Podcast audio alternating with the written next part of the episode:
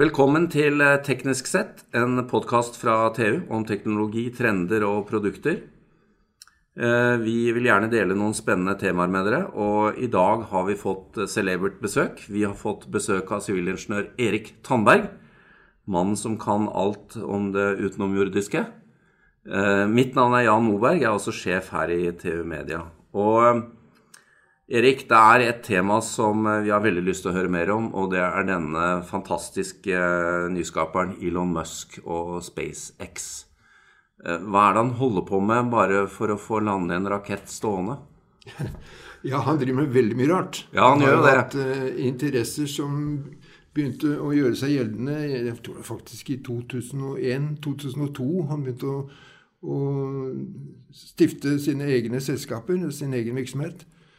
Eh, og penger hadde han jo, for han hadde vært aktiv eh, før det på andre områder. Og hadde solgt uh, PayPal, blant annet. Ja, 150 ja. millioner dollar. I aksjer, riktignok. Mm. Men det var et bra startgrunnlag. Men han har jo en del interesser som er sterkere enn andre. Og en interesse er dette her at han, at han gjerne vil at, at, vårt samfunn skal bli et flerplanetsamfunn. Han vil at vi skal forholde oss til eh, ikke bare vår egen jord, men forholde oss til eh, andre himmellegemer også. For, som han sier, å ha noe som kan redde oss i tilfelle noe skulle gå skikkelig gærent. Det er jo en fantastisk visjon og plan.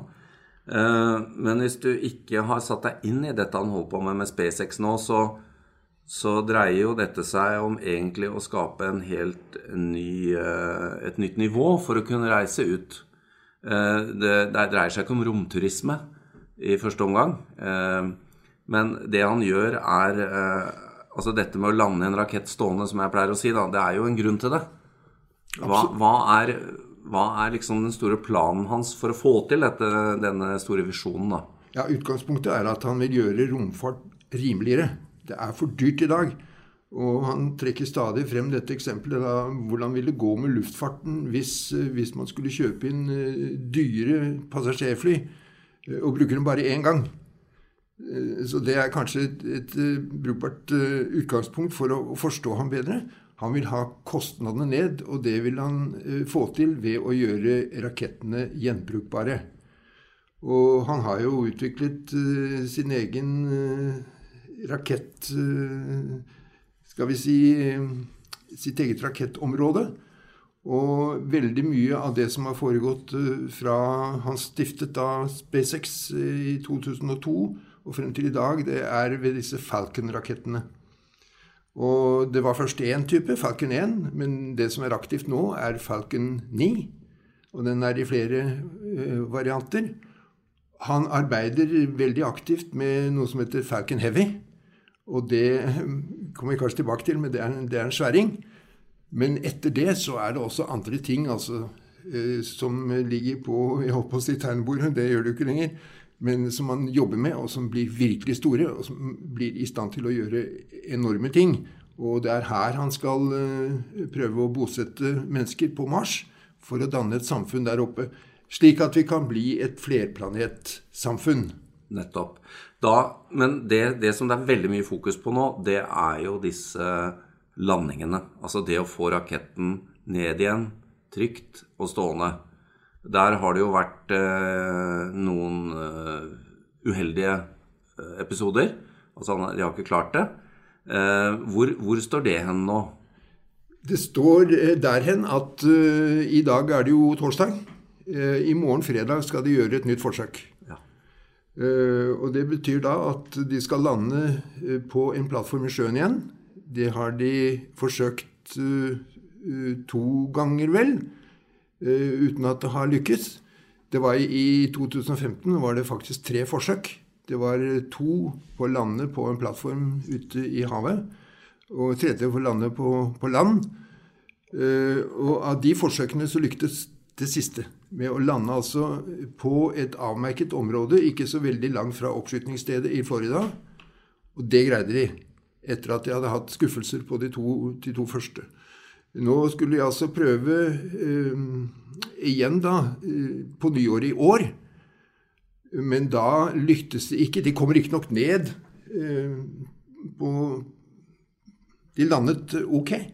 Men eh, så viste det seg at uh, av de fire utfellbare landingsdelene, landingsføttene, så var det én som ikke gikk i lås, muligens pga. isdannelse. Akkurat, Og det var, da var plattformen uh, utenfor uh, San Diego i California, 320 km og sånt fra land. Uh, det hadde vært fuktighet, og det hadde vært noe lave temperaturer i den høyden hvor de kom ned.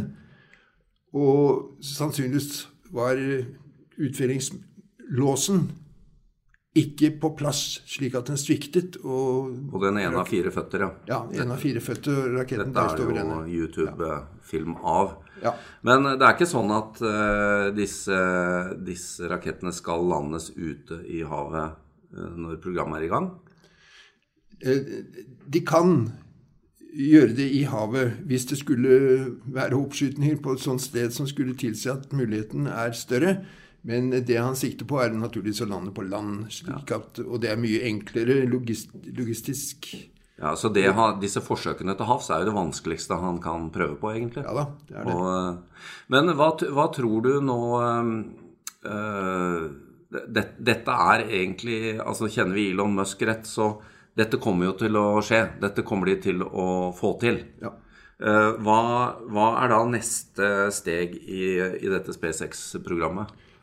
Ja, Hvis vi bare forfølger den tanken med gjenbrukbarhet, så er da hensikten at uh, han skal uh, ved myklanding og skal vi si vedlikehold og, og reparasjon av dette trinnet og grundig prøving gjøre det klart til bruk på nytt. Og bruke altså et allerede bygget og prøvet trinn uh, for å få kostnadene ned. Og I første omgang så dreier det seg om første trinn, for det er der de store kostnadene det er der de store verdiene ligger. Der ligger rakettmotorene. Der ligger mye av styresystemene. Eh, Så det er, det er hovedsakelig første trinn. Dessuten er da hastigheten og avstanden slik for første trinn at det er enklere å få det tilbake enn et øvre trinn med større hastighet som befinner seg mye lenger unna. Så det er enklere å få ned det. Og han har altså valgt å gjøre det ved å snu på raketten og bruke en av motorene til oppbremsning. Og det skal ikke så mye drivkraft til å bremse opp en tom rakett som det skal til Nei, å løfte en, en, eh, en full, ja. full, full, full last. Så man, han regner med at uh, en, en normal oppskytning ikke skal kreve mer drivstoff enn at det er nok igjen til å bremse et, et, et, et tomt trinn. Så når vi ser raketten lande, så lander den egentlig opp ned. Den lander med motorene ned. Ja. Uh, og den lander Man tenker seg en lang altså, Hele raketten er jo 70, 70 meter. Denne her, uh, dette første trinnet er jo bortimot 50 meter. Og det er som en, altså, Diameteren er under 4 meter. Og så skal man ha, med det, ha ned det, eh, snu det opp i rommet og bremse det, og lande det altså på denne, denne flekken, denne, denne flytende, dette flytende dekket på 50 ganger 90 meter. Det er imponerende. Det er imponerende. Ja. Og, og, og så skal det altså fraktes til land og gjennomgås. Og, og så skal han på den, på den måten redusere kolossalt kostnadene for neste oppskytning.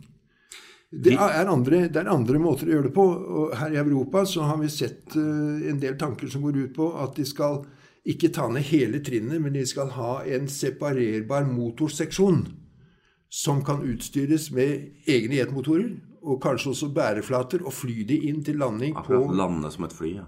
lande som et fly. Men eh, de er ikke kommet fullt så langt ennå.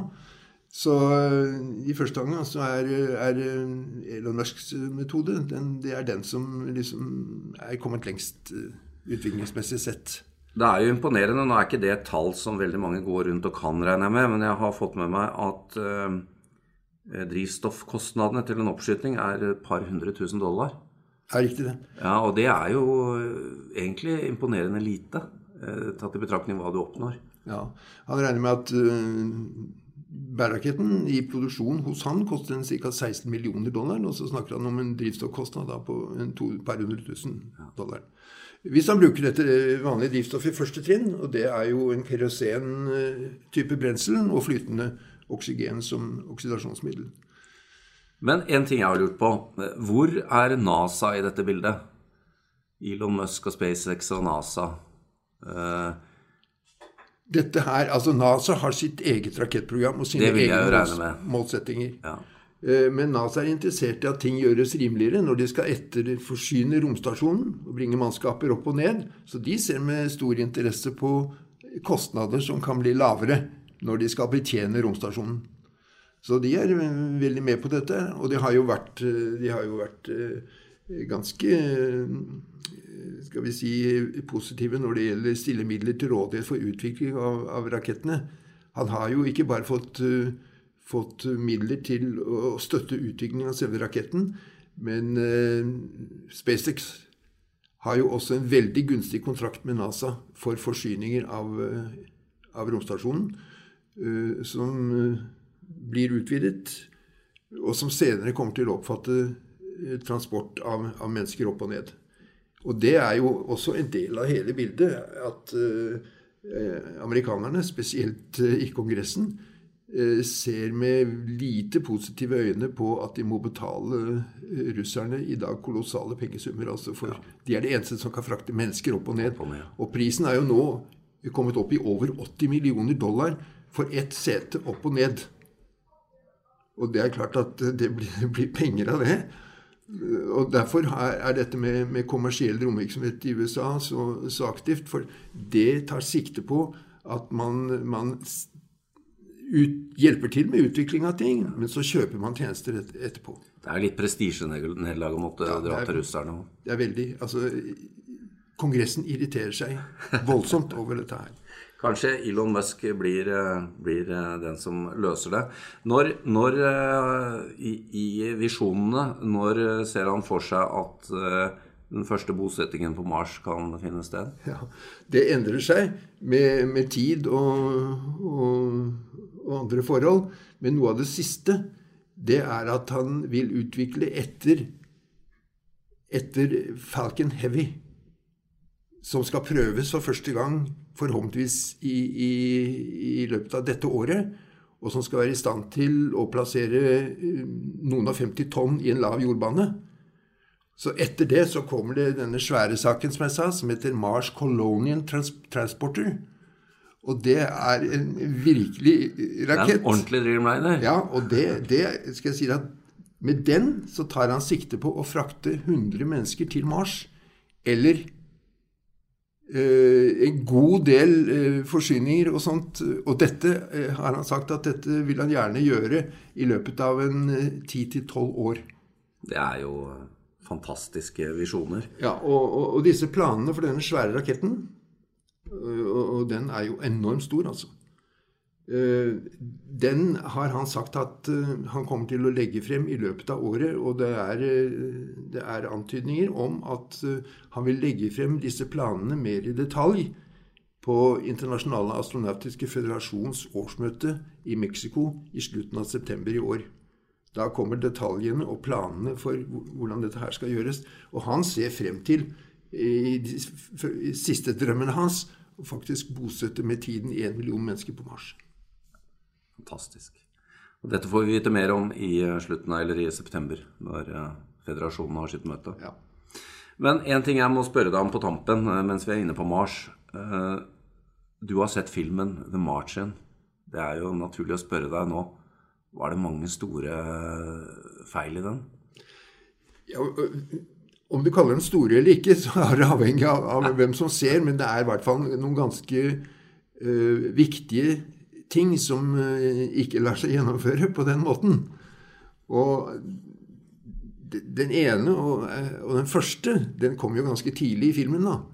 Nemlig det som, det som skjedde på filmen, er at de har en ekspedisjon som er oppe på Mars eh, i et eh, romfartøy, en bærerakett og et romfartøy, når det oppstår en eh, global sandstorm. Og det gjør det fra tid til annen på Mars. Det er altså veldige temperatursvingninger, og det er eh, veldig lav tetthet.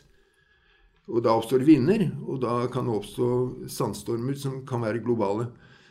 Men det som skjer, er at eh, de er redde for at denne raketten der oppe skal velte. Eh, og, og, da er jo fare på ferde. Da kommer de seg ikke tilbake. Og de har, de har mannskaper spredd rundt omkring. Og de får tak i alle, bortsett fra én. Og én er da skadet fordi vinden har blåst et eller annet og spiddet faktisk drakten hans. Og, og fått, fått, han til å svime av. Men, men fakta er at selv om vindhastighetene på Mars kan være ganske store, selv med jordiske mål, så er, de, er atmosfæren eh, bare en hundredel til en tohundredel av jordens i tetthet. Mm. Det så betyr ikke noe? betyr ikke noe. Vinden har ikke kraft til å velte nær sagt noe som helst. Så dermed så er hele liksom, bakgrunnen for at, at denne historien utvikler seg, den er jo bygget på litt feil grunnlag. Da, da, kan våre lyttere som har hørt på dette, sitte og le høyt når den delen av filmen kommer. Ja, dette er feil. Erik, takk. Vi kommer tilbake med mer. Dette var veldig spennende.